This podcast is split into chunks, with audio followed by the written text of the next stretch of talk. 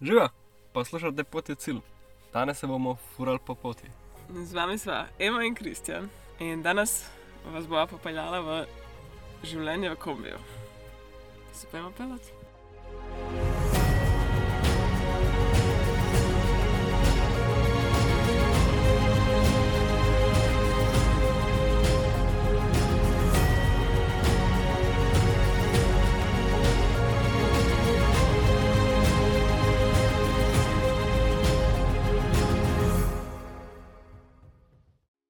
Dobrodošli v najnem venu, ene kombi.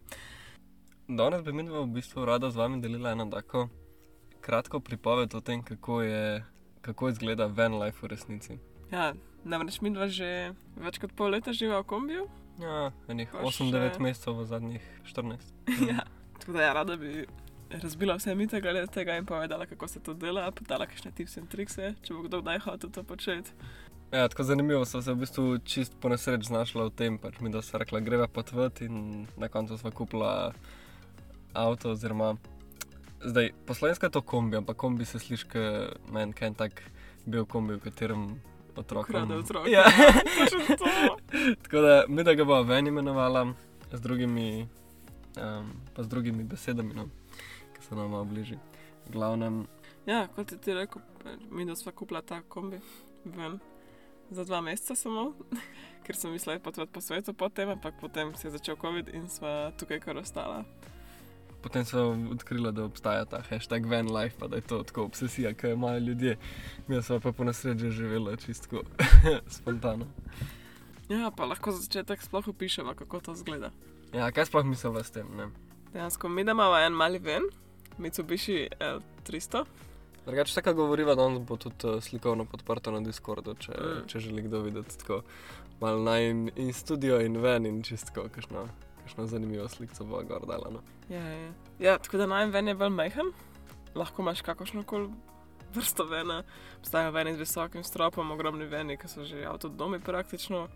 Obstajajo pa pol tudi pač luxurious stvari, kot so prikolce in avtodomi. To so, to so v van life community tisti pošovci. Ampak ne, ved, vse imamo full radi, tako vsi se imamo med sabo full radi, pa potem vedno se družimo s temi, ponovadi imajo stari, no, tako nočem posploševati, ampak ponovadi so to stari ljudje, ki so zaslužili veliko, pa si lahko kupijo te um, avtodome, pa velike prikolce in potem vedno tako full, full lover se pogovarjamo, pa tako hangamo, če smo skupaj. Ja, ne. Res je lepo, tle v Novi Zelandiji je to zelo normalno. Dejansko ogromno ljudi živi v Venu ali pa v prikolcah. Ja, spoznali smo tudi ljudi, ki so dejansko prodali hišo, pa kupili avtodom in so bili pač le. Mi dva zdaj potujeva, da smo imeli life. Do konca, oz- oziroma do, do naslednjega nekaj časa bomo mi da potovala in to dejansko počnejo. Ja, ja, ve, to so ljudje tako 65 plus. Če ljudje, ki se sam zazdi, da zdaj bi pa malo uživali. Tako da ja, no, imamo ta kombi, spredje je zapelet, normalno vse, zadaj pa pač ni več sedežev, ampak imamo poslo z najboljšimi jogi na svetu. Um, to poslo se da preurediti tudi tako v dnevno sobo, da imaš mizo tukaj. Spodaj, spodaj so v bistvu tako taki steking prostori, kot omare. Um, čez na koncu avta imamo pa tudi kuhinjo, kjer imamo vedno 50 ali pa 25 litrov sveže vode, imamo svoj kuhalnik, imamo ogromno zelenjave, vse, kar rabiš za jesti, kuhati, sprav krožnike, vilce, nože, deščice, Začimbe. milijon začimb. Ja, Pribor. kar, kar vam pade na pamet.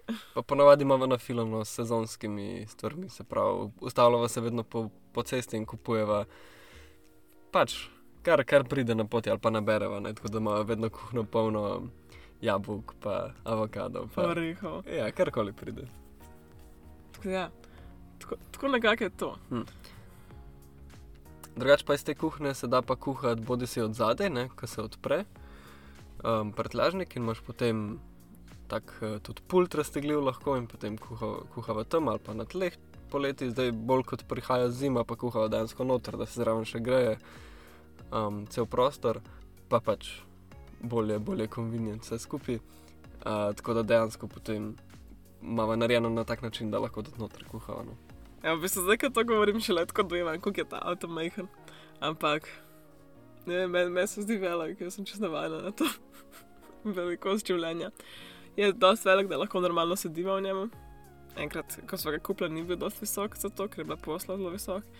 In so se tudi po nekaj časa potem vzela projekt, sva ga preuredila, znižala, da zdaj lahko v miru sediva.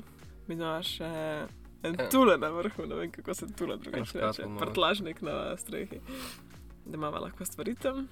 Ja, in to je to, kar rabimo za življenje. No, to je za uvod, zdaj pa si predstavljam, koliko vprašanj imate vsi. Ja, meni je ful zanimivo, tako, da bo danes naslavljala to razliko med van life, kot ga imaš na Instagramu, ne pa van life, kot ga imaš v realnosti. Pač. Oba sta čist legitimna, ampak vedno je na Instagramu samo ena tak izsek. Ne? Pa pa kaj pa, ko pa v realnosti to zgleda, ne? je pa. je pa tako, ful zabavno, ne? sem pač nikoli nisem tako rožico in ne vem kaj, pač moraš imeti ful tega, tako fleksibilnosti, no? čest na kratko.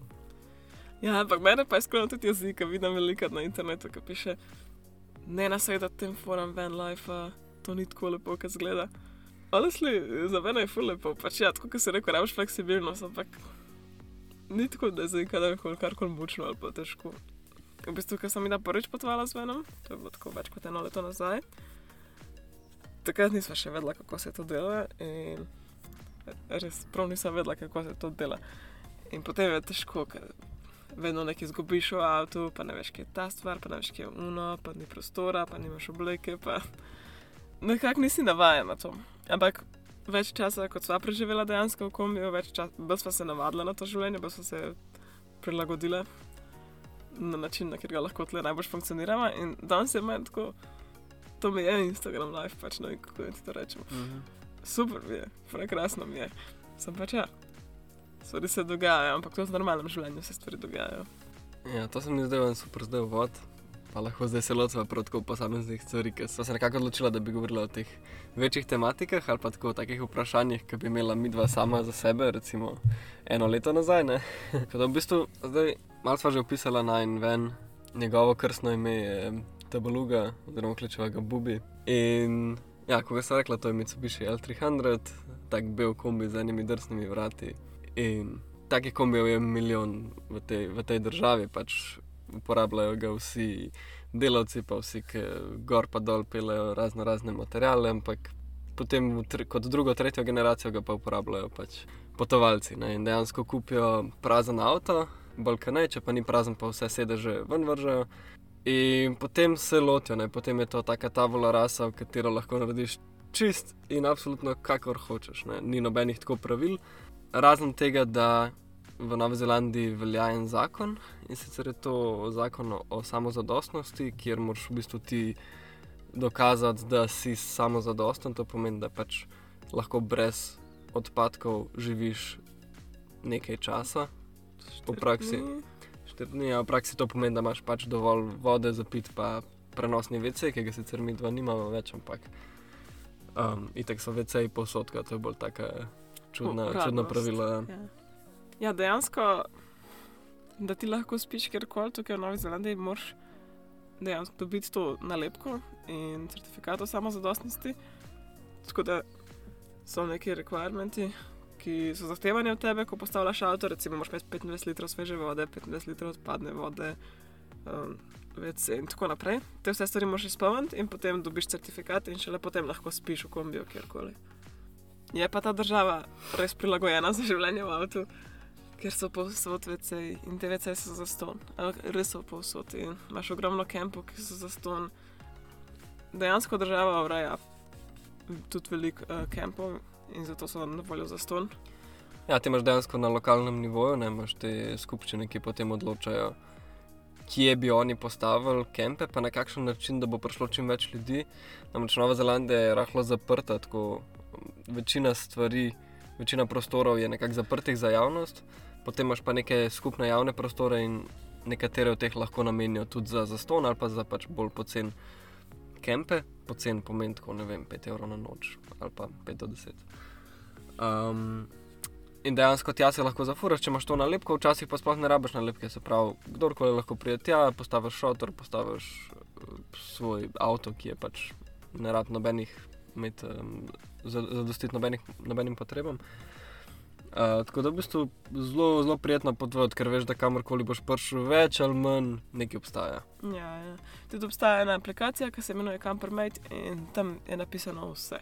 Vsi kampi, vsi viri vode, vsi veceji, kar hočeš, kar si lahko zmisliš o tem res. Ja, zelo ni težko potovati, no. zelo ni težko. Ja. In zdaj, ko imaš ti pač svoj ta prazen ven, uh, ga začneš opremljati, ne, recimo, oziraš se na te standarde, ampak drugače si pač čist prepuščen svoji domišljiji, iznajdljivosti in pač znanju. Ne. In dejansko, kar smo mi dva videla v tem enem letu, je čudo božje. Pač te avti so tako res neverjetni. Pač, Kar hočeš, ja. Ja, od tega en, en kolega je naredil tako, tako mandalo na strop, pa zvočni sistem 360 ugradil, pa noter dal še tako lučke, vse posodne in bil res cel disko, noter smo samo Ja, ležali ja. in gledali. In te lučke so se mečale z uh, bitom muske. ja, tako da res lahko, lahko greš čistko do, do kjerga koli ekstrema hočeš, čist, you can go wild. Um, Lahko pa to čist preprost, samo tako poslo in to je to. ja, posla pa kakšni not vržejo še ne vem, nekaj, kar jim je pomembno, kakšno rastlino in to je to. Ne? Um, tako da res vidiš, vidiš vse živo, pa spet a neodvisno od velikosti, od prostora, ki ga imaš, dejansko kakšni celo preurejajo stvari, ki so tako čist čudne, pač tako um, neki navadni kamioni, ne, pa pa kar izrezujejo ven. Um, Oh, um, ja. šipe, pa noter dajo take impro pečke.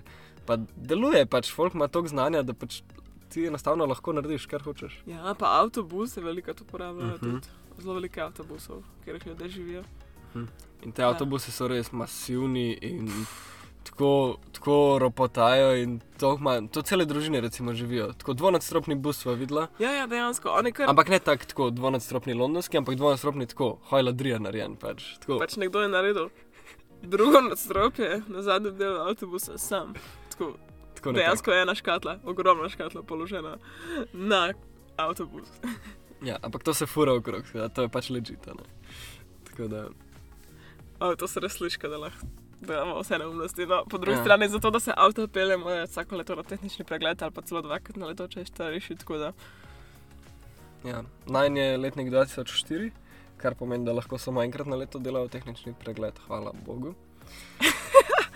In ja, dejansko pač samega vzdrževanja je pa en- natanko toliko, kot bi bilo z enim takim starim avtom. Ne. Se pravi, čisto vse pride v poštev, od gum do motorja do pač luči in vsega ostalega.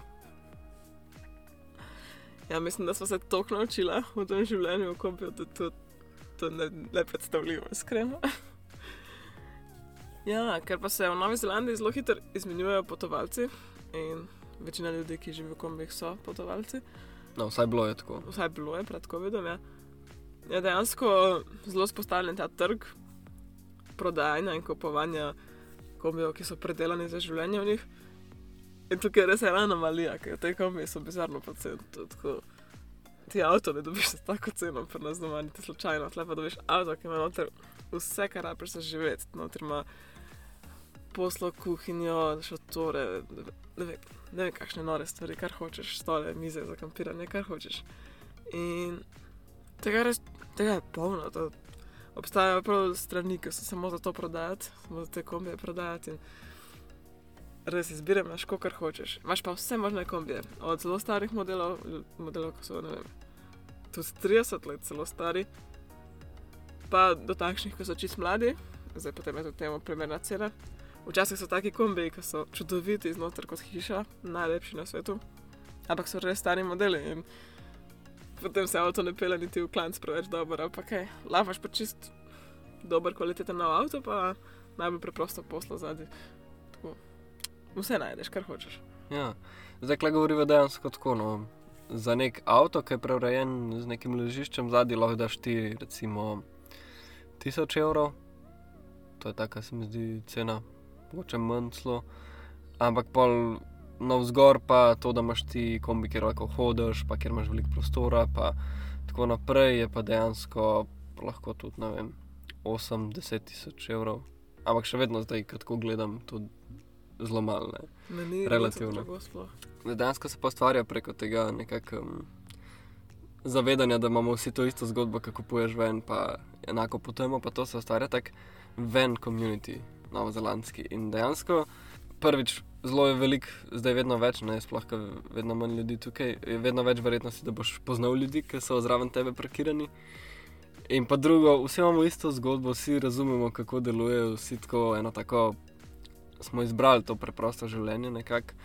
In ful, ful enih vrednot delimo, ne tako potovalskih, pa, pa še ekstra, pa še tako življenje v, Življenjskih, v ja. venu, ne tako, ja, nasploh življenjskih nazorov.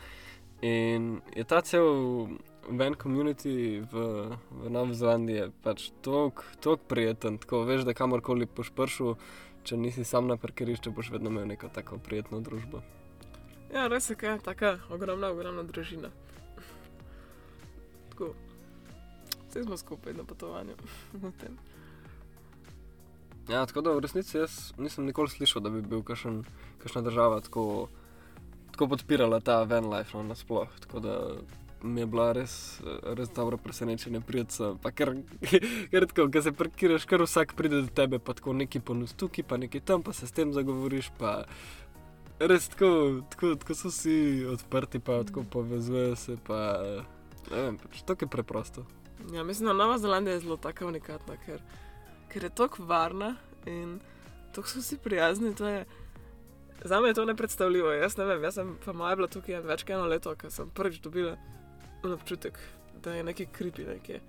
In šele, ker sem dobila ta občutek, da je nekaj kripi, sem tako wow. In že odkar sem šla iz Slovenije, nisem dobila tega občutka. Tukaj je tako varno, da tako nikoli, nikoli se sredno čika, hodiš sam, pa ni nobenega okolja, ali pa so kakšni čudni ljudje, okoli- ni čudnih ljudi, sploh se ne počutiš tako čuden. Mi da puščamo odklepa- odklenjen avto, pa take stvari okoli. Dejansko ljudje nič ne naredijo, ljudje puščajo odklenjene hiše, pa tako, to je neverjetna država, je res tako edinstvena. Doma se nisem nikoli počutila tako varno. Mhm. Pa tudi kot ženska, recimo, se počutim absolutno varno tukaj. Tako, nepre, neprimerljivo s tem, kar sem čutila nazaj v Evropi. Ja, mislim, se slišiš kdaj kakšne take zgodbe iz kakšnih krajev, pa da se kaj zgodi, pa to, ampak to je. To je zelo tako redko, no, ampak sem hočel reči, pač cela država, je, moraš vse malo vedeti, kje se da, kje se Ja, kaj ne da, ja. ampak ja, res so najni izkušnji, ki se, ki so res veliko velik sva prehodila okrog. Pač, to je sem tako varno vse posodno.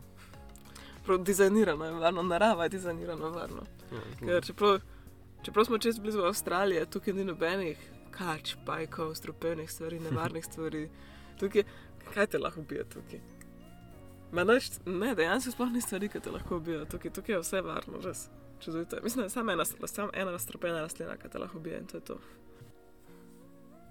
No, pa se vrnemo nazaj na Van Life. Okay, ja, kako se to dejansko zgleda v vsakodnevnem življenju? Vedno si parkiral nekje zraven VC, kar smo že povedali, tako da VC imaš. Tu še lahko najdeš tudi v vsakem mestu, sicer so pikice za plačati. Tako da tuširaš se lahko karkoli pogosto hočeš. Ampak bi se tudi ugotovila, da obsesivno tuširanje, ki ga imamo mi doma v normalnem življenju, kot bi temu rekla, ni nekaj, kar dejansko človeško telo rabi ali pa je tudi zdravo za našo kožo. Jaz sem presenetljivo ugotovil v enem trenutku, da kadar se umijem s šamponom, začnem res smrdeti. Tako naslednji dan res smrdim. Pa tako, recimo, če se en teden nisem stoširil, ali pa sem bil samo v morju ali pa v reki, pa, pa potem uporabim šampon, potem moje telo čisto, wow, wow, kaj, kaj je to, pač tako, fuj, idemo ven. ja. Ja. Ne, se to je res, ker šampon dejansko ni nič, so zaščitno olje na koži. Tako da potem pač zbereš, koliko se boš tuširil samo od sebe. So pa posod, kot si rekel ti, pač morje je posod, reke so posod, tako da se načeloma zelo veliko kopamo, vsaj polet. Zdaj tukaj pa veliko je takih še vprašanj, ki bi jih imel človek. Doskrat pač slišiš tako, oh, kako pa to počnete, ne? kako pa tisto delate. Um, tako da bo čez na hitro sam pogledala, kako, kako dejansko v praksi deluje um, live, ko imaš tak omejen prostor. Ne? Zdaj recimo eno zanimivo to um, pranje perila. Ne?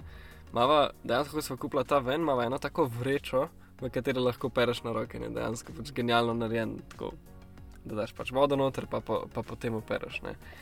Kar sicer malo tečno, ampak dejansko pač lahko opereš, kadar hočeš obleko. Ali pa opereš na roke v kakšnem umivalniku. Ali pa daš enostavno pač par evrov, pa greš oprat, pa posušiti. Ja, v eno pravljico. Ja. Ali pa imaš prijatelje, pa greš njemu hišo, pa opereš. Ali pa imaš, ne vem, community, um, community washing machines, tako dejansko pač prostore, ali pa v knjižnici, ali pa tako čist na vseh živih prostorih najdeš stvari, ki jih lahko uporabiš. Sam tako moraš videti, moraš si pustiti biti Odprt. odprt za te stvari. Ne, ne smeš biti ono, o ne, tisti, ki uporabljajo nekaj, recimo javnega, ne, tisti so pa klošari ali pa tako reveži ali pa. eh, Tako, klenite stigme, pač, da, da, da bi ti zdaj šel v knjižnico in si sešil pač kiklo. Pač, hvala Bogu, pač zato je tam šivalni stroj. Ne? In imaš dejansko pač samo to v glavi, rabaš poštimati, da pač si v redu s tem, ok, lej pač. Ali pa mogoče en dan imaš pa dvakrat isto majico oblečeno, ali pa celo tri dni. Ja, tako da pranje obleke je resni problem. Mal, ena zanimiva stvar je pranje posode, kaj ješ. Um, mi da imajo tudi umivalnik tukaj v avtu, Pomivalnega stroja žal nimamo. še. No, se- pa tudi klega noben nima, zares. Joj, Iskreno, res, kaj že eno leto, več kot leto pa pol sem že z druge, pa še nikoli nisem želel v hiši ali pa kje, ker bi se uporabljal pravni stroj. Že se moš na roke pomiti. Ampak ja, um, a, umivalnik in svoj čas sem imela tudi eno pumpo, vodno pumpo, ki je imela potem kot, ko ste mu reče, vodno pištolo. Tako da s tem je bilo zelo lahko pomijati posodo, ker je v bistvu samo s pritiskom iz te pumpe se pač pomila vse, kar je bilo treba. Zdaj pa tega več ni in v umivalniku je dosti citno pomivati stvari. Tako da posodo lahko vedno umiješ v umivalniku, ki je ponovadi zraven VC-ja, ampak je prav umivalnik namenjen eh, čiščenju posode, prav pišete tukaj, prostor za čiščenje posode. Tako da tudi to je poskrbljeno na večino mestih, mislim na zelo velikih mestih. Drugače pa v končni fazi lahko tudi z brisačkami umiješ. Mi da ste ugotovili, da čisto lahko pobrišeš, če takoj poješ, pobrišeš lepo z brisačkami krožnik. Ja, shout out to Gaja. Ja, to ne, ko smo šli na potovanje na Norveško z avtodomom, to naj je naučila ena prijateljica in takrat so bila tako, oh, pa kaj je to? Tako, z brisačkami, da pobrišeš nekaj, da bomo, ali da bomo oprali v vodi. Ja, Ampak da- zdaj, zdaj razumeva, tako, koliko je to dipli najboljša stvar. Ja, tako to, to res, to res uh, rešuje life. No. Tako, re, res lepo lahko živijo no, z brisačkami, za vse, ne samo za posodo. To, Ja, pol kuhanje, kuhanje pač uh, z kuhalnikom ima plinsko bombo, ki jo lahko nafilava, tako da je eh, zelo ekološko, nimamo tistega sistema, kjer lahko ven daješ posamezne kartuše. Polne plina in moraš dejansko to skozi menjati. Imamo eno tako, ki je malo manj močna varianta, ampak zato, ker kuhava noter, je to zelo uporabno. In pa dejansko rabava na filat, kaj pa vem, enkrat na mesec. ali pa še na dlje časa. Ali pa še več, odvisno. Ja. Tako kuhala. Pa to je zelo pocen plin, tako da je res, res super rešitev. No. Res pa kuhala pa praktično vse. Res kuhala, mi da smo to štrukle že naredila v avtu. Ka, Ja. Kar se je zamislil, tako kuhala. Ja, pač razen tako, tisto, kar je spečeno, to, to je malo težko. Ampak ja, delava, delava kruh, delava pice, konc konca. Pač kar hočeš, kar hočeš, lahko narediš. Zdaj, recimo, štrudla ne moreš, ampak to je pa, to je pa glih vse, kar pač eh, česar ne moreš. Ne. Ja, ne. V bistvu je res. Mislim, res lahko skuhaš, kar hočeš. Sploh ni nobenega problema. Ja, to je, kar se ti- tiče uh, kuhanja. Pa ena taka praktična stvar je tudi, kako imeti pospravljene stvari, pa kje mala stvari, pa kako mala stvari. Mi imamo fur stvari, mi imamo ogromno stvari. Tako da ta namen sva si tudi kupila en strešni prtlažnik in tule, ki ima lahko noser marsikaj. Pol, um, Mislim, tako če smem pokomentirati. Mava full stvari za, pač, za ta primer, tako živ, življenje v eno. Ampak, če pogledam, koliko imam jaz doma, v Sloveniji, tako to ni primerljivo. Tako da mi je za v bistvu taka, um, kaj pa jaz vem, backpackerja s full stvarmi ali pa tako normalno. Človeka normalne družbe s full mal stvarmi. Odvisno od perspektive, kar se mene tiče. True, true. Ne vem, jaz se pač čutim, da sam kupujem cel cel cel. Jaz včasih se vprašam, joj, ko bom šla v Slovenijo, kako bom jaz se domov odnesla, tako da bom mogla še dva cela kufra kupiti za to. Yeah. Anyway. Ja, sva ugotovila, pri nas je bilo dosta tako. Zjutraj, ko se zbudiš, se hočeš obleči in potem moraš imeti obleko nekako pospravljeno po roki in je lepo imeti narejeno kakšno omaro, tako da se od spredja lahko odpre ali pa spodi pod poslo, ali pa da imaš direktno škatlo z obleko. Tako da to je ena praksa, ki je prilagojena na to, kako je avto narejen, da vsak mora to svoje odkriti. Je pa to nekaj, kar res spremeni življenje. Zdaj, ki govorim tem, se mi ne sliši tako pomembno, ampak vem, da v praksi pa res hočeš imeti dostop do oblek, dostop do stvari, da vedno brez problema priješ do vsega. Tako da, ja, mi da so to zelo lepo rešila. Se mi zdi pa, da vsakem kombiju moraš rešiti na drug način.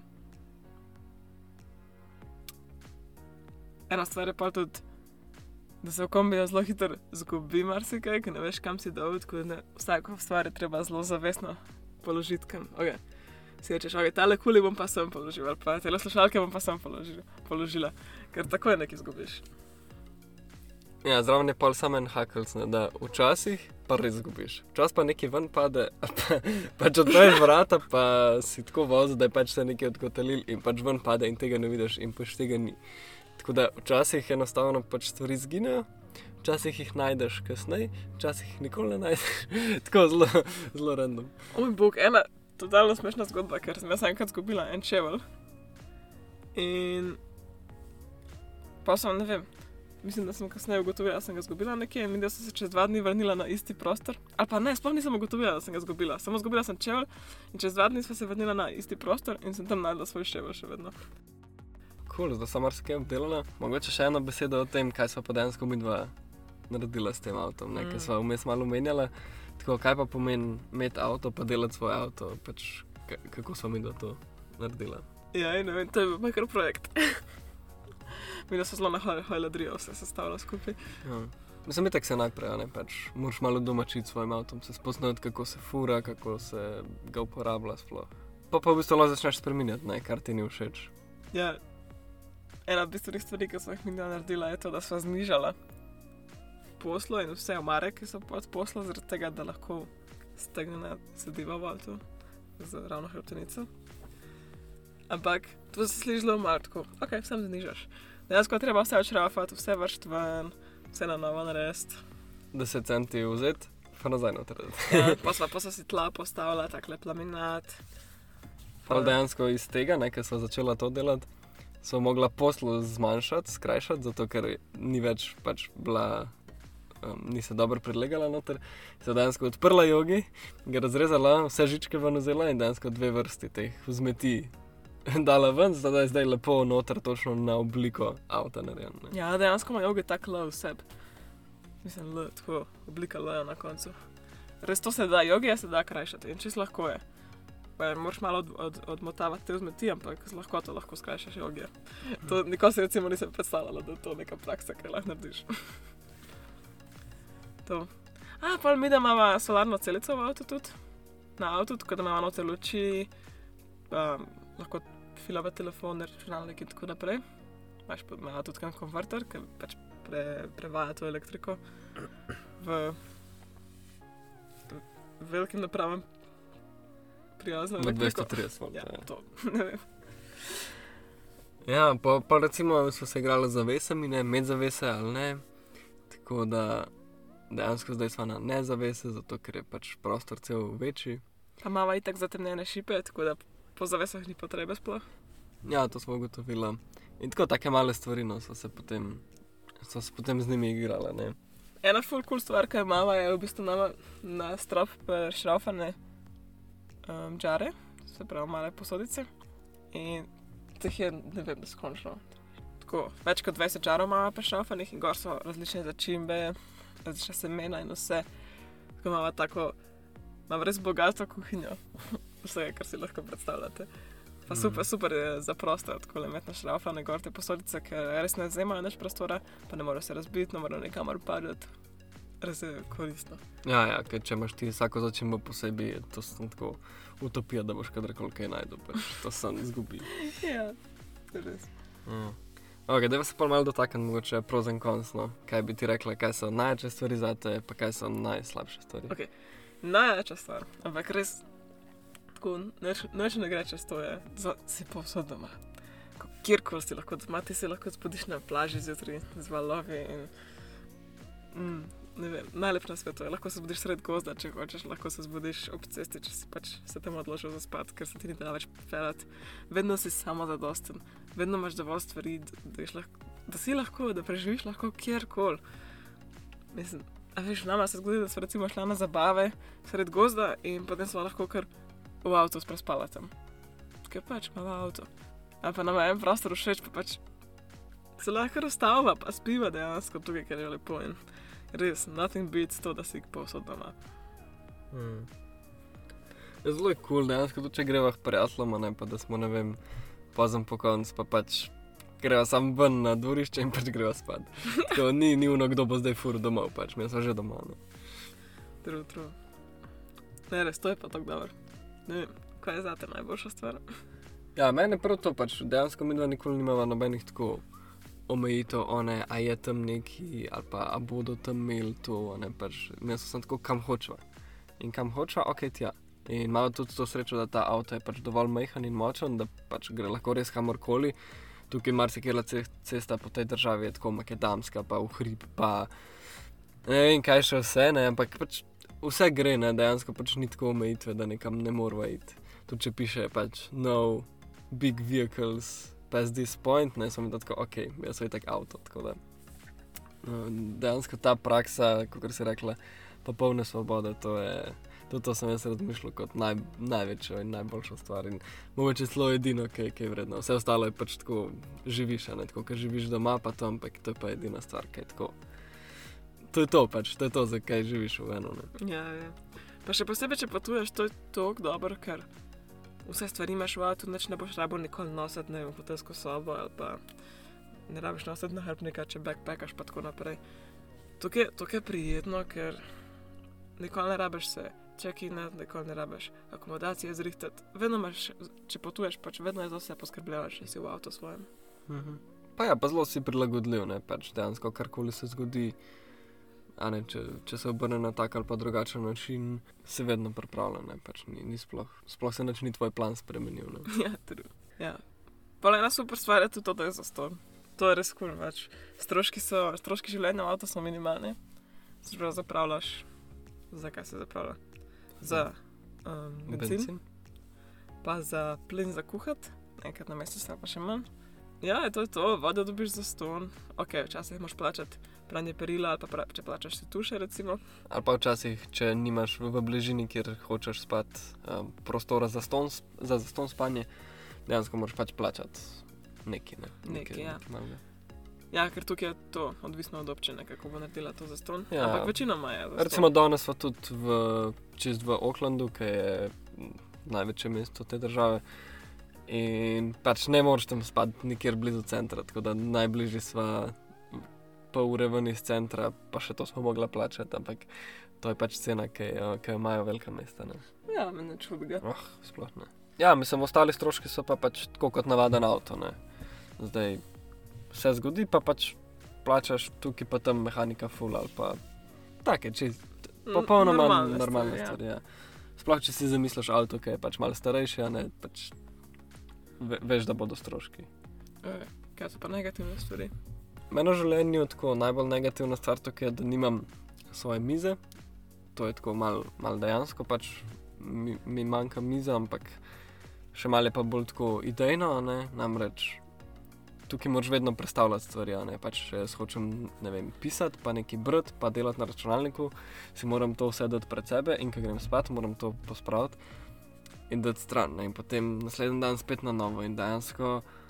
Meni manjka ta prostor, ne? tako da to, to je mhm. moj minus, da pač nimam pol to tako nekako um, balansiram s tem, da greva v coffee shop, pa si vzamem pač ne vem, dve, tri, pet ur v enem pač uh, kafiču in pijem kavice in delam svoje stvari, tako da imam lahko to tak prostor. No. Ja, meni se zdi en minus to, da mi da recimo dva živa v kombiju, tako da praktično se vedno skupaj v istem prostoru, ali ker ta en mm -hmm. prostor. To so tudi najdel zanimiv način, da delujemo s tem. Mava sprednji pa zadnji del avta, pa lahko sprednji dava tudi zaveso, če hočemo pikico za miru. Ampak ja, to je ena stvar. Pa jaz pogrešam ravna tla, tla, ki lahko ne, se sedeš na tla pa ležeš na tla pa delaš jogo, tu če je grdo vreme zunaj. ker tle si zelo odvisen od vremena. Mhm. To definitivno je. Ja, jaz pogrešam en blender, pa en juicer, pa hladilnik.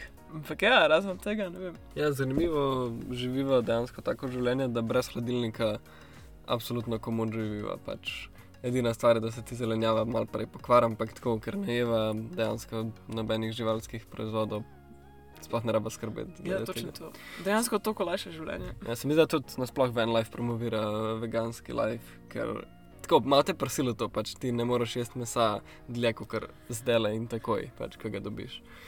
In ja, dejansko tako, ne vem, pismo polovico ali pa še več ljudi, ki jih spoznava v enih, vsi je samo plant-based ali pa mogoče jajca, pa je ta zga, ampak tako.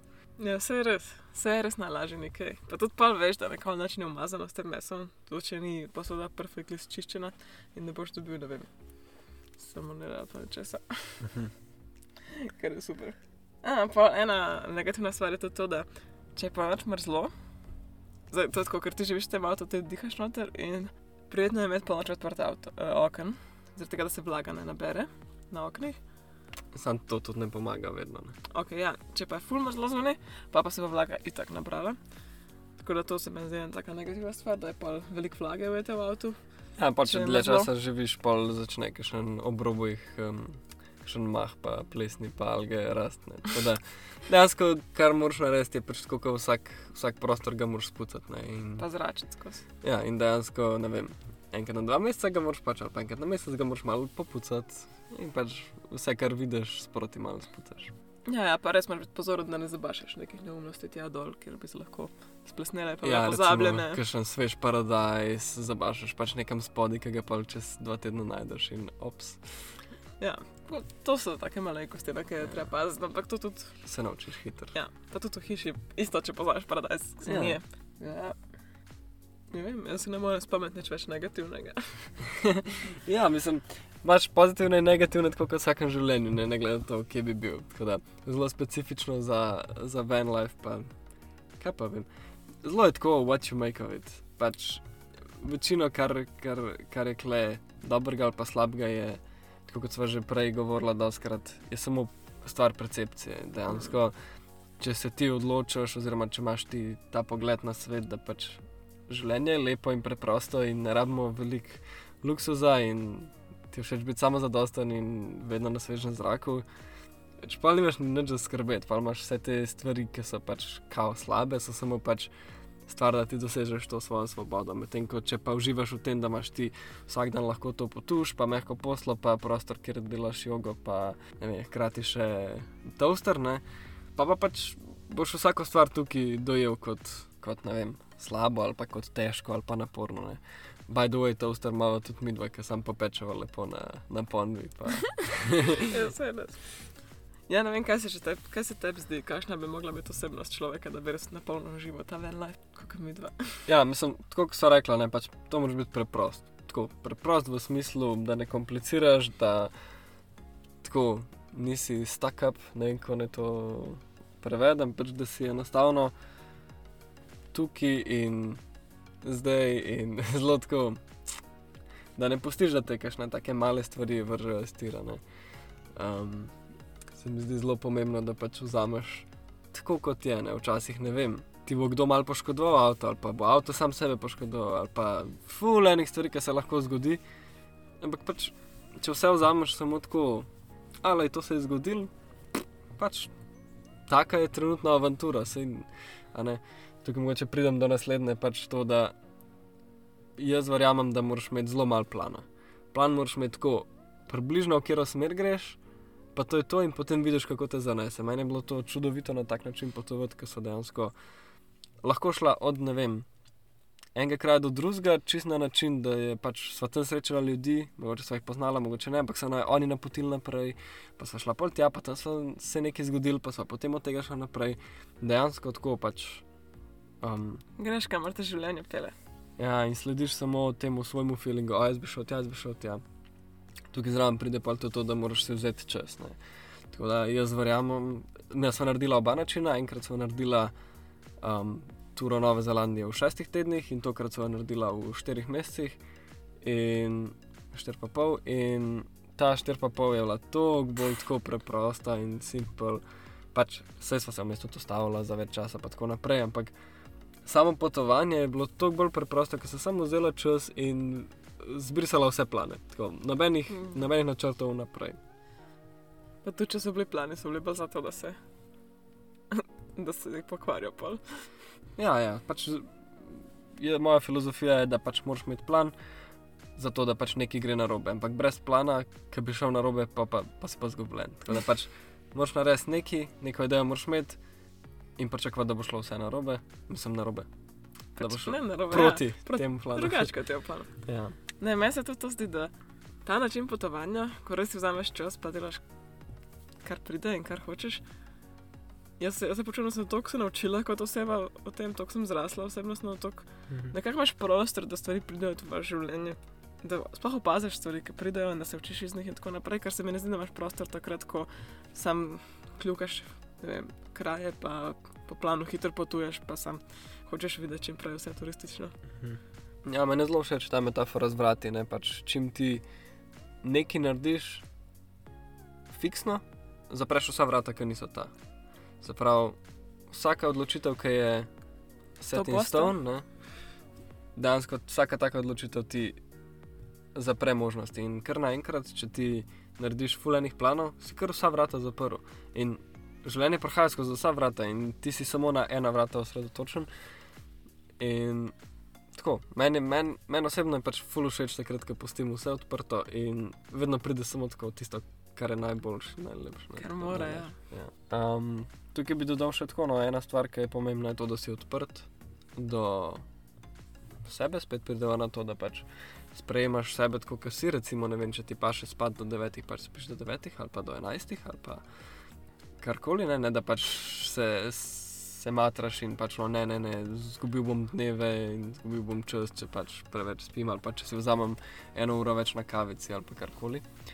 In odprt moraš biti do ljudi, ne, se pravi, ljudje, sploh v Novi Zelandiji, vedno prihajajo do tebe, ampak jaz verjamem, da ljudje posod prihajajo do tebe, sam če jim postiš, da pridejo. In dejansko začnejo govoriti s tabo in dejansko te usmerjajo, kam mora iti tvoja pot. Ne. Doskrat se nam zgodi, da pač čist neke random ljudi srečava, ne vem, imajo lepega kuška, pa sva ga lahko pobožava in na koncu 15 minut klepetamo in povezujemo, kako smo mi povezani preko ljudi na Novi Zelandiji, hkrati pa zveva, ja, mi smo lepo včeraj tam, pa tam, pa pejta to pogledati, pa to je full fun, ne. Pa še ne vem, pa je ta pozdrav tega človeka. In dejansko na koncu smo tam in rečemo, da nekdo naj poslal sem, a smo z razlogom klej. In oni so tako, ja, valjda, da sta prita sem, bla, bla, bla. Kar, tako, kar zgodi se zgodba sama od sebe. Ne? Ja. Res postiš tako, da ta divine pele tvoj life. Včasih so res taka na ključa, take, take dogodivščine, da ne vem. Jaz, jaz se počutim tako, vsak hoče tako živeti, pač, res, da tako življenje pele, to je noro, to je neverjetno, sploh ne morem verjeti včasih, kaj se dogaja. Hmm. Ne, če sam povem, kaj se nam je včeraj zgodilo, recimo. Včeraj sem se pelala in nama je guma pošla na avto. Tako za vsake, za vsake ne veste, ker ste tako kot mi dva, taki mali junci ali kako se temu reče. Če se vidijo take jeklene žičke, ki prihajajo ven iz gume, to je že kar slabo. Pa morate zamenjati gumo. Drugače poč. No ja, v glavnem, mi dva nismo zamenjala in je počela. In ok, pa mi da stojijo tam ob cesti in so tako menjati gumo. Mm. Verjetno ima rezervno gumo spodaj, pogleda, mava tako, a ima dvigalko. Mogoče. Mm, mogoče je spodaj zraven gume, kdo bi vedel.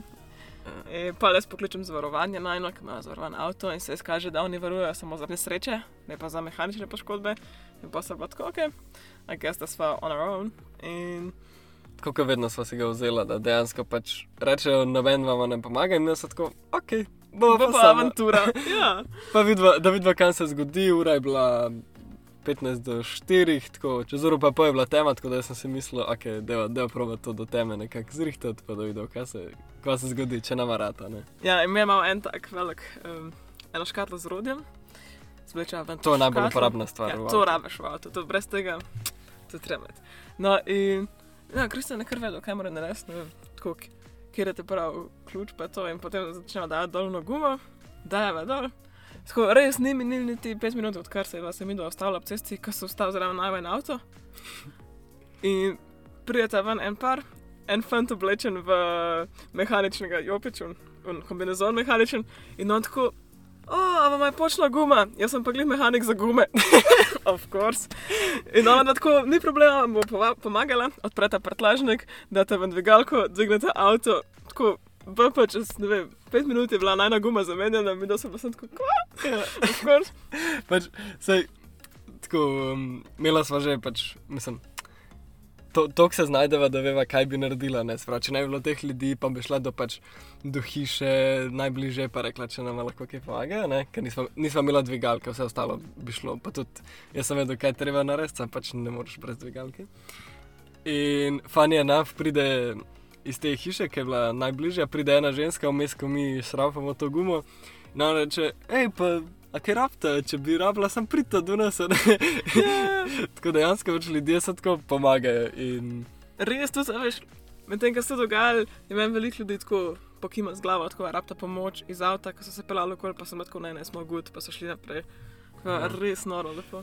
tako dejansko smo uno gumo zamenjali, ej, v petih minutah, ful smo se lepo pogovorili z njima, tako da bo sta bilo lušno. Da. Ja, in pa ga mi da naprej. Jaz sem pogledala, da ni tako dobro pritisk v gumi, pa sem rekla, ok, prva pumpa je najna. In smo se pelala, prideva do ene pumpe, se ostava na njej. In ja, stopam jaz tam ven in pogledam tako malo stran in vidim eno hišo polno gum. Jaz tako, hm, aj to znak. In pa pa gledam zraven in je dejansko odprt avtomehanik, tako o pol petih, v petek, ne. Jo, zakaj je odprt še vedno? In sem tako, hm, to pa je mogoče znak, ne. In grem jaz do njega, noter v, v delavnico in reče tako, sem prišel do njega in sem rekel, "Ej, ne vem točno zakaj, ampak jaz sem dobil tako po, po vesolskih znakih, sem dobil občutek, da moram iti do vas. A je kakšna možnost, da tako imate gumo, pa jo lahko zdaj le zamenjate, ali pa povejte mi, zakaj, zakaj sem prišel sem. In je bil tako, ja, ja, da greva pogledat. Pogleda na en avto, gre v delavnico, ugotovi, da ima samo še eno gumo, ki pa še na najno, na najno avto, direkt. Ja, 25 minut kasneje, mi dva z novo gumo gor. dejansko res, odkar je nama guma počela, pa do trenutka, ko sem imela čisto novo gumo, na avtu je minilo tako eno uro. In Eno uro direkt. to vse se je tako perfekt zrihtalo, eh, nobenega občutka panike, nobene težav sploh. To sem tako ena čudovita avantura s čudovitimi ljudmi. Tako, obožujem ta del, ki si bil ti tako. Zakaj sem prišel do vas, povejte mi. Tako, ne. Res je, pač to je res life its finest. In take, take zgodbe, take trenutki, ki se vse tako lepo poveže in to se nam konstantno dogaja. To je, to je razlog, zakaj sem bila pripričana, da je treba biti odprt in da ti življenje prostor, da te on pele, ker pa imaš priložnost živeti to, to kaj je tako sveto in neskončno dober in smešen in avanturistično in zanimivo. Je, je full lover, ker resni, v resnici doskrat, mislim, kadarkoli se nam zgodi karkoli, sva vedno, to sva se res naučila, no, da sva vedno samo Mirna. čist mirna in tako, ok, dajmo videti kako. Pač nimamo pojma, ampak step by step, pač pot je cilj. To, da delava, to je že pač to. Ne, tako, ne ni zdaj fora, da bomo mi dva imela novo gumo gor. Ampak fora, da bo spoznala tiste dva človeka, govorila o muckih z njimi, dala jim tako jabolke, objemali se bomo in nasmejali skupaj, in potem bomo šli vsak svojo pot. To, to je cilj tega. In to, da pač guma sva mi, da pač sem tako, ok, kaj pa zdaj? pač, tako, noben ni tako paničen, noben ne kriči, noben, ne, noben se ne začne tresti. Mm. Tako, niti približno ni tega pač Ja, love it. prisotnega. To je res najboljše. Okay. Ja, mogoče če dokončam še tisto, mogoče če iz te zgodbe dokončam še tisto tvoje vprašanje o tem, kaj rabiš, da uživaš na live. Je to, da se nekako ne ustrašiš izzivov, ampak izzivov v smislu tako, takih handiwork ali pa tako, moraš malo razmisliti, kako bi nekaj naredil ali pa nekaj probat, pa veš, da ne bo nujno uspel. In dejansko pač, ja, kot si rekla, tisto škatlo z orodjem je to naj, najboljši prijatelj, pač noter imamo vse, šrafen cigaret, vse nastavke, vse, vse. In dejansko to kar naenkrat postane tako tvoje urode, pa jaz res nikoli nisem šrafen, pač tako, trust mi, pač jaz, jaz nimam pojma o ničemer, ampak pazi to, jaz sem klepa pravil že vse možne lučke in luči, vse možne akumulatorje, vse možne tako šrafe smo dajali ven noter. Od zgoraj, od Elektriko, spodaj. ja.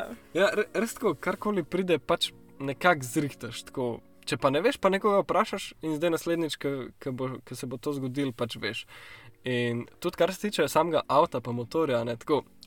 Ma jaz nimam blage, drugačno, tako nimam pojma o, o avtu, ampak vse se nam je že pokvarilo in dejansko zdaj, če me vprašaš, ful razumem, kako deluje avto, kje je kako se kaj pa pravi. Ja, celo jaz imam zdaj pojma. Kaj, dejansko, dejansko vem, kje so deli avta, če odpreš spodaj. Ja. Tako, tako je bilo ful dobro. Meni men ta ful dobra izkušnja, pač tako avto, veš, isto gumo zamenjati. Pač. Jaz sem lahko, ne, guma nama še ni počela, bo se naučila takrat, ko poč. Pač, zakaj bi se prej matro, vse vse. vse se zrihta. Vse se vse zrihta, ja. Kul, kul.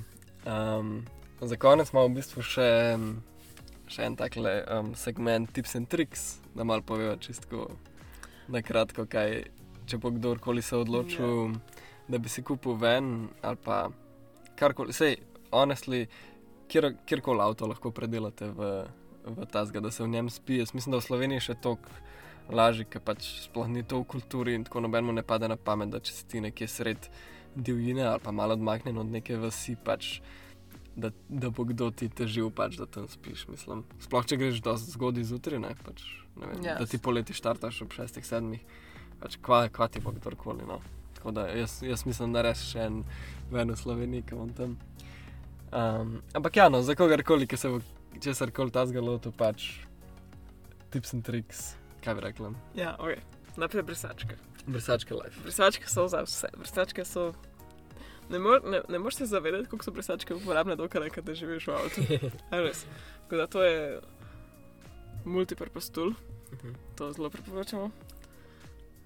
Ena amazing stvar je, imeti eno malo preprogo na vhodu v avto, da se lahko noge pobrišeš, preveč na poslo. Sploh če nimaš ne prostora, kamor stopiš, ampak imaš tako, kot mm. mi dva, samo eno tako veliko, veliko poslo. Na skoraj na posla je tako večje, kot kar smo kadarkoli imeli, pa boljše, kot kar yeah. so ja. kadarkoli. Prvi smo v jogi, ki so tako. Wow. Jaz, yeah. Ja. Včasih, ko smo kje druge, kakšni posli dejansko v hiši, sem tako, ba, o moj bog, ko bi čakala to poslo iz avta. Mm. S temi kombi, eh, s temi jogi. Ja, pa en trik, ni imeti zatemnjene šipe. To je najjača stvar, res. Ja, ker dejansko noben te ne vidi modro, ti pa ven vse vidiš. Ha, ja. To je super. Pa res toliko več prostora imaš v avtu, če imaš zatemnjene šipe, kot če imaš zavese. Zavese zmanjša prostor, konkretno. Uh mhm. -huh. Tako da to. Pa, ja, ena stvar je, možeš študirati, kako pospraviti obleke, da ti bodo dostopne v tvojem avtu, glede na pač postavitev omar in vsega, kar avto ima. Kaj to je, malo igranja s tem, ampak je zakon, ki to pogrutaš. Uh mhm. -huh. Pa kjerkoli potuješ, no, se splača spomniti koga poznaš od tem. Če pa ne poznaš nobenega, pa začeti spoznavati ljudi, ker people make it. Pač, vse je full dobro, full dobro je živeti v avtu, pa full dobro je tako, imeti to svobodo, ampak to, da imamo mi dva en drugega, pa hkrati vse ljudi, ki jih srečamo na poti, to je to, kar, kar makes it the best. Pač. Ja, to res, meni se zdi najboljši del tega potovanja, res to, da random ne srečujemo ljudi, ki jih poznamo. Zdaj, ko smo se nazaj, zdaj se vračamo nazaj na otok, ker žive dejansko tukaj v Novi Zelandiji.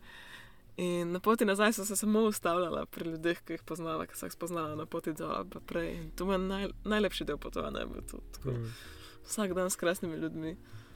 Ja, to je eno, da so krasni, in drugo, da ti dejansko oni delajo pot. Pač mm. Z njimi greš pa en del poti, ali pa zaradi njih greš en del poti. Pa zaradi njih se nekaj novega naučiš, zaradi mm. njih nekaj novega doživiš. Pa treba je imeti toolbox. O, Brez toolboxa.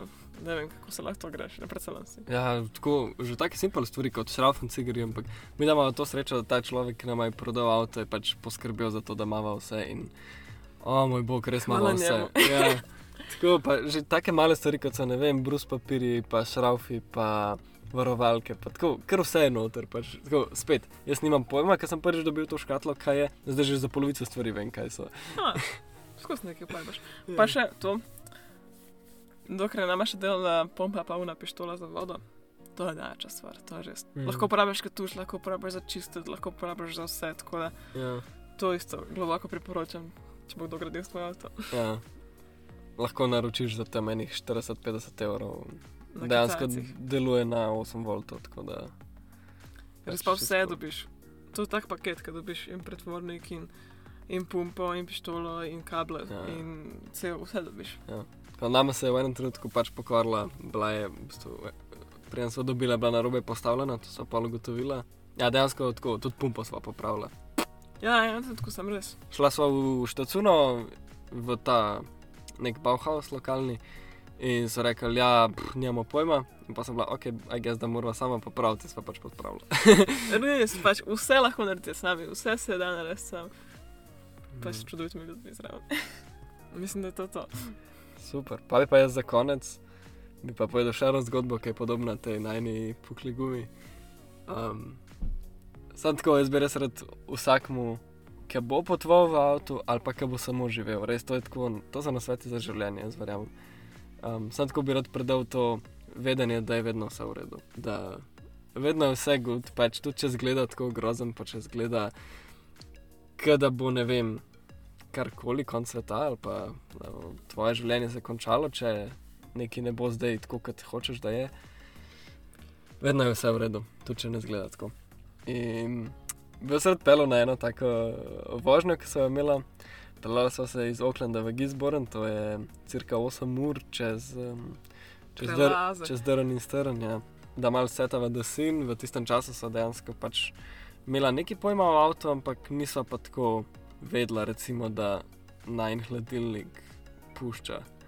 Oziroma, vse še vedno ne ve, kaj se točno dogaja, ampak No, nekaj ni v redu z njim. bomo videli. Ja. Pač realno, kaj se je dogajalo, mi da sem morala priti iz enega festivala, ki je v Oaklandu, na festival, ki je bil v Gisbornu. In ker sva volontirala in pomagala enemu najnemu prijatelju na festivalu v Gisbornu, so bila zmenjena, da prideva do petih, ker smo morali skupaj voditi eno tantra meditacijo, pri kateri sem ji da pomagala.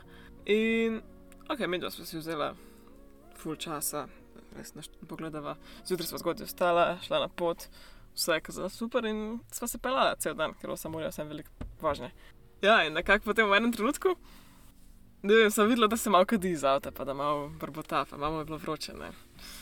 Ampak sva želela priti vsaj pol ure prej, preden je ta meditacija, zato da se malo prepravimo, umirimo in tako naprej. In sem si rekla, ok, bova šla kar naprej, se ne zgleda tu bed. Vem, noben niti ni razumel, kaj to pomeni za res. Ja, mislim, lo and behold, ne, pa se je zgodilo to, da preden prideš v Gisborne, je en tak velik, velik prelaz. Ne, in ker sva bila prvič na, na takem uh, Na urniku. tajcke, ja, ker sva mogla pač priti do neke uretja, in drugič, ker je bilo v hrib, ne, sva dejansko furala pol po teh ovinkih pač 100 plus, kar ne furava tako po avtocesti. Ne. In to hribno zgor, to. Ja, ne, in motor je delo pač, ki je ne. Se da mu je bilo že vroče, celodnevne vožnje. In v enem trenutku začnejo neki čudni zvoki iz avta, nek tako. No, Pa meni se dviga, dviga ta kazalček. Ne, tako ja, na ekstra hot, ne, na s- najbolj vroče in jaz skokaj, da je to pa zdaj ni več v redu in se vstavlja. Jaz pogledam telefon, ni signala, ok, ne morem niti obvestiti tega najnega prijatelja, da zamujava zdaj. In pa sem pa tako, ok, kaj pa zdaj? Sva odprla, pogledala, kaj je spodaj in zdaj veva, takrat nisva, ampak spodaj ima avto ima hladilnik, kjer je noter voda in ta voda hladi avto, potem ima pa še dodatno rezervno posodo vode. In mi dva nisem imela pojma o tem hladilniku, mi dva sem samo videla to posodo vode, sem bila tako, ok, bomo natočila vodo noter. Zato so dobila tudi navodilo, ker so kupila avto, da pač, če bo kdaj kaj čudenega, pač tam dajte malo vode. Je. Ja, in to valjda ne se ni zgodilo, neč ni pomagal. Na koncu sem videla res pelala s tem avtom. Vem, pet minut pa sem se ustavila, pa sem spet čakala, da se mačka ohladi, pa pol spet naprej. Pa noben ni vedel, koliko je ura, pa koliko daleč smo. Mislim, vedela sem, koliko je ura, ampak nisem vedela, kdaj bo prišla, nisem vedela, koliko ima vaša do cilja, ker nisem imela signala, niti nič. Ja. Ampak najlepša stvar pri tem je, da so vlasko tako zelo kon. Pač, Bila so tako, lej, kadi se, ok, pač ustavlja se. tako, ok, lej, ne gre več naprej, a ga zdaj raba nova pauza. Ne? Ja. Pa ne vem, jaz sem imela to globoko vedenje, da bo prišla točno. Ko, realno, ker sem videla, da sem prišla iz enega s- festivala in to so tako zelo konšni festivali, tam je bila ena čudovita meditacija, ki je mene čist um, potegnila tako, kako imamo dejansko kontrolo nad svojim življenjem in kar se dogaja. In, pa ne kontrolo, ampak tako. No, to bi se trebalo stole, če pravim razložiti, ampak tako je, predano kontrolo, tako zaupamo vesolju, ampak še vedno smo pač mi tisti, ki vodimo krmilo. In jaz sem sam bila s tem prepričana, da mi da bova točno, ne glede na to, kaj se zgodi. Tako, sploh ni mogel biti drugače. Tako, Normalno je bilo, da bova prišla v petih. Ja, hvala Bogu, se je ta cesta končala navzdol. Tako da je pol avto imel vsaj malo mal tako pauzice. Ampak dejansko, kot sem jaz pač imel ta občutek, ker sem takrat pel, uh, za ta kazalček sem vedel, da pač tako, takoj, ko ni glanca, pač začne se ta temperatura naraščati. Ne? In polka sem enkrat imela signal, ki so bili že čez blizu. Pa je ima rekla, da je še 6 km, tako, uf, za ene 5,9 imam, 6 pa nisem zihar. In dejansko so tako, tako so šla na, na, do zadnjega, pač uno, res. Ne, če bi šla še eno več, bi sem tako odpadla kolesa, pa bi se posla. Tako nisem kaj. Ja. Ne, ampak res, mi da sem prišla na ura, ura je bilo tako 5 nič nič. Mi da sem prišla na vhod festivala, tam je bil en tip, ki je bil tako živa, mi da smo. Mi da volontiramo tukaj pozno, samo prosim, spusti na noter. In on je bil kratko. Ni vprašal niti kdo svoje, niti kdo. Stavila se nisem. Ja, on je bil sladko, sam pejte not. Videla se je zapeljala not, pustila avto sred Sred hoda, sred vsega, skočila ven iz avta, tako prhala para, dim, tako na vse strani, res tako brbotalje, avto je zgledno čist, ne vem, mistično dimen.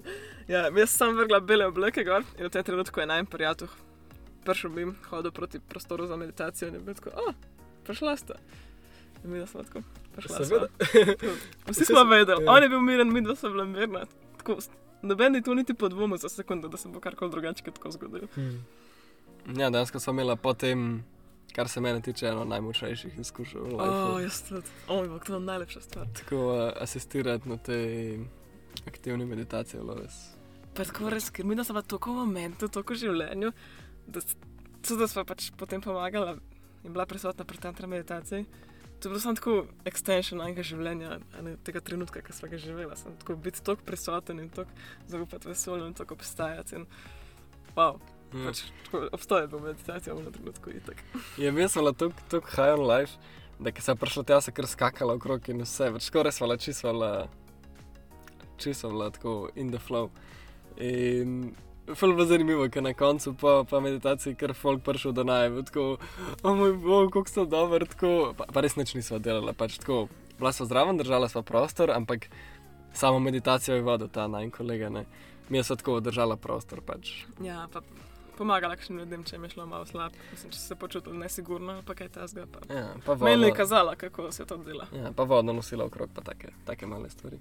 Ampak na koncu je kar folk nama govoril, tako, wow, koliko ste bili tako, kar sijala ste, kar tako energijo ste nosila sabo, čisto bilo tako v elementu. Ja, tako si prihajal se nam ljudje ubijati in se nam tako zahvaljeval, da je to najboljša izkušnja njihovega življenja in videl sem, kako je Bog naj na tudi. Tako, res to je bilo lepo. Ja, no, ne vem, s tem lahko končamo to čudovito prepoved življenja.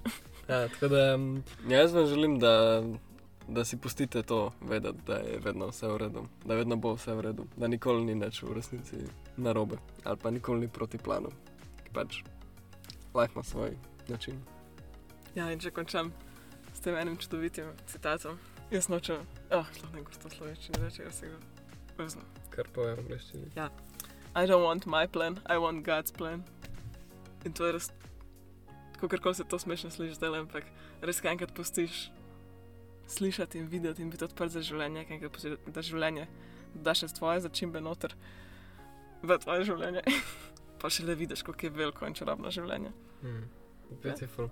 Če kdo rabka še na svet ali pa idejo, um, kar se tiče praktičnih nasvetov za ven, ali pa če kdo hoče še kaj več zvedeti, um, najdete nas na Discordu, linki so spodaj skozi. Mm, ja, poglejte na NVM, poglejte na slike, ki so jih objavili na Discord pa hvala, da ste šli z nami.